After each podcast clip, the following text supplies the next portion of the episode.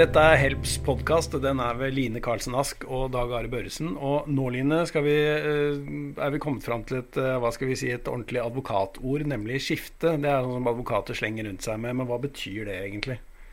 Ja, når noen dør, så må man jo dele ut arven. Eh, og da må man først finne ut hva arven utgjør, og så må man dele den ut i henhold til arvebrøk, eller til de rettmessige arvingene. Ja. Og da er det urskifte som vi har snakka om i en annen pod. Og så har du muligheten til privat eller offentlig skifte, som eh, er to ulike måter å dele ut arv på. Ja, så det er utdeling av arv, rett og slett. Det er et skifte eller et skifteoppgjør, da. Ja. ja. Og da finnes det en privat variant, og den offentlige. Skal vi ta den private først? Hva er et privat skifte for noe? Ja, Det er jo det som er det mest vanlige å gjøre i Norge. Det er at man overtar, at arvingene overtar sammen til et privat skifte. Da får man, når noen dør, et brev fra tingretten, og så står det 'Vil du overta til privat eller offentlig skifte?' Gi beskjed innen 60 dager. Og hvis man ønsker å overta til privat skifte innen 60 dager, så må enten alle arvingene signere, eller så kan de bli enige om at bare et par av dem skal. Og det du gjør når du overtar til privat skifte, det er at du påtar deg gjeldsansvaret til avdøde. Og Derfor er det veldig viktig at du har kontroll på økonomien til avdøde før du overtar til privatskifte. Du må ha en viss peiling på hvor mye gjeld avdøde hadde, og hvor store verdiene var, og at man er i sånn noenlunde i pluss. Hvordan skaffer man seg oversikt over det, da? Da kan du be tingretten om å utstede en såkalt formuesfullmakt. Og den formuesfullmakten gir deg rett til å hente ut skattemelding, bankutskrift tre måneder tilbake i tid, eh, altså tre måneder fra dødsfallstidspunktet. Eh, og ja, du kan kontakte Hvis du ser på skattemeldinga at avdøde hadde kredittkort, så anbefales jo å kontakte selskapene for å høre saldoen på tidspunktet når, dødsfallstidspunktet. Mm. Det er mulig at dette er et dumt spørsmål, altså, men uh, når noen dør, så uh, er det noen som utsteder en dødsattest. Mm. Er det sånn? Uh, og for å få den her fullmakten som du snakker om fra tingretten, er det noe som skjer automatisk, eller hvordan går man fram, egentlig? Ja, Nei, det som skjer automatisk, det er jo at den, som, den legen som konstaterer at noen er død, legger inn en melding om at personen er død. ikke sant? Og så får tingretten beskjed om at det er registrert hos Folkeregisteret. Mm -hmm. eh, og da går det ut et brev til arvingene, basert på informasjon i Folkeregisteret om hvem som er arvinger. Mm -hmm. Eller testament, hvis det foreligger. Ja. Må jeg da gå til tingretten selv med det brevet, da? eller? Eh, nei, nei, tingretten kontakter deg. Og sender deg et brev. Og så kontakter du tingretten og spør Hei, han pappa er død. Kan jeg få en formuesfullmakt så jeg får sjekka ut eh, finansene hans? -hmm. Så det er den lureste måten. Og så har vi jo noe som heter proklama. Det vil si at du kan be tingretten om å utstede et proklama, og da må alle kreditorer melde kravet sitt innen seks uker. Og har du utstedt et proklama og noen kreditorer ikke har meldt kravet sitt, så har de tapt kravet sitt som hovedregel. Så hvis jeg har den minste mistanke om at uh, den som er død, hadde gjeld eller økonomiske interesser uh, et annet sted enn det uh, jeg har oversikt over, så må jeg få utstedt et sånt proklama. Da. Ja, det vil jeg sterkt anbefale. Hvis du ikke har god kontroll, så er det å anbefale. Mm. Det vil være noen krav som ikke omfatter skattekrav, f.eks. er ikke omfatter proklame. men som hovedregel er jo de fleste omfatta. Mm. Ok, uh, men uh, la oss si at det trenger vi ikke. Vi skal gjennomføre et privat skifte. Hvordan, hva skjer videre egentlig da? Ja, Da signerer man en erklæring om privat skifte, og så får man utstedt en skifteattest. Og den som har navnet sitt på skifteattesten, er jo da ansvarlig for avdødes forpliktelser. Gjeld, bl.a.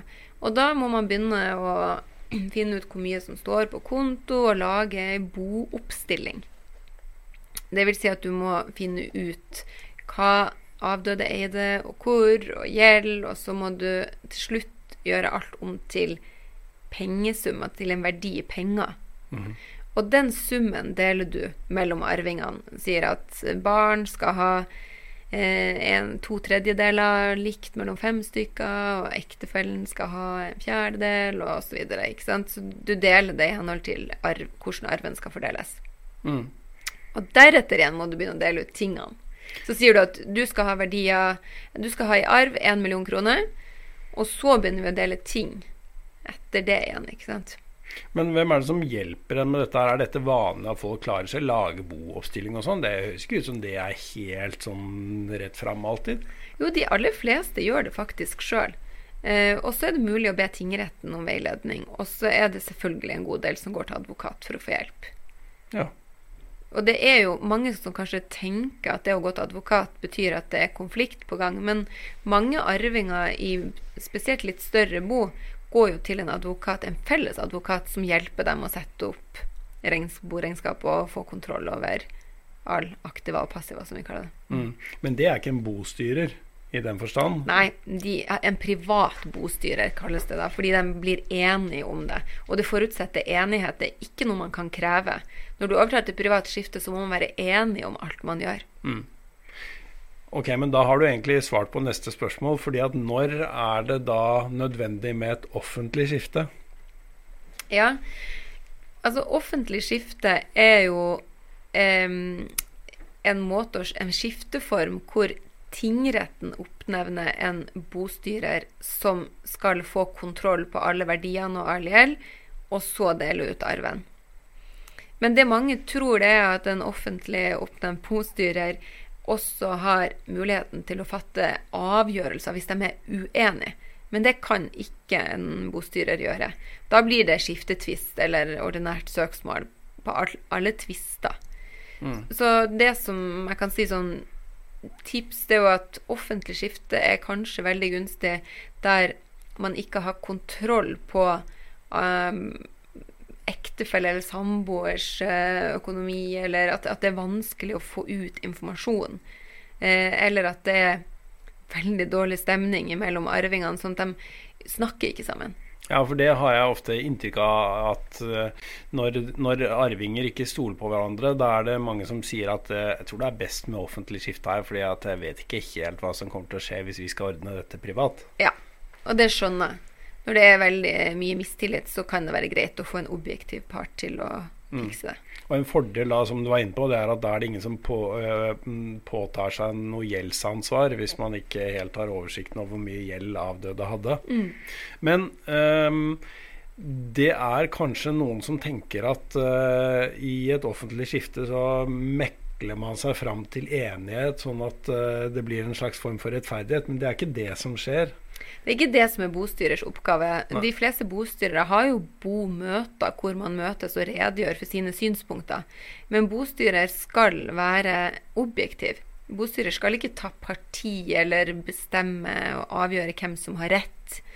Så hvis du ønsker mekling og løsning og en dommer, så, så er ikke offentlig skifte nødvendigvis den rette løsninga. For det er det en del som feilaktig tror.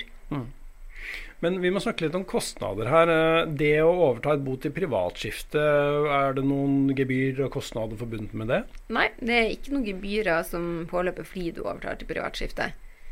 Da blir man enige om hvem som skal høre hva, og de fleste fordeler det jo mellom seg på dugnad uten at det går noen kostnader. Og skal noen ha betalt, så må man være enige om det på et privatskifte. Ja. Eh, mens når det gjelder offentlig skifte, så påløper det jo en del kostnader.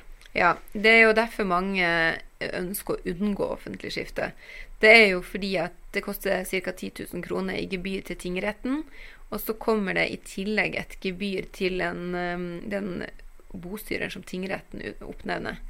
Eh, og da vil det være vanlig timespris. Så det kommer litt an på hva den advokaten har i timespris. Men normalt så ligger det vel kanskje på mellom 1600 2500 Mm. i timen. Mm. Og jo oftere man ringer den bostyreren, sender mail, eh, kanskje én arving tar kontakt annenhver time med bostyrer, så vil det jo bli dyrt. Mm.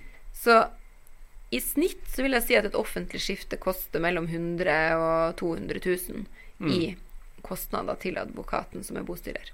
Så er det jo vel verdt å tenke over om man ikke klarer å løse dette gjennom et privat skifte da, på egen hånd. Ja. Du, Et siste spørsmål, Line. Vi snakker jo veldig varmt om advokatmekling i andre sammenhenger. Er det en løsning som kan egne seg ved et skifteoppgjør, tror du? Altså På generelt grunnlag så tenker jeg at alt som kan gjøre at en konflikt stoppes på så tidlig tidspunkt som mulig, lønner seg. For jo lengre tid som går, jo mer konflikt blir det, og jo vanskeligere blir det å noensinne bli venner igjen. Det er altfor mange familier som har vært splitta pga. en arvekonflikt og aldri mer funnet tilbake til hverandre. Så mekling og det å snakke sammen er jo det viktigste man kan gjøre hvis man ønsker å unngå konflikt. Mm.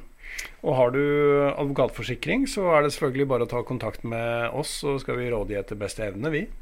Det skal vi. Tusen takk for at du så eller hørte på denne episoden av Help-podden.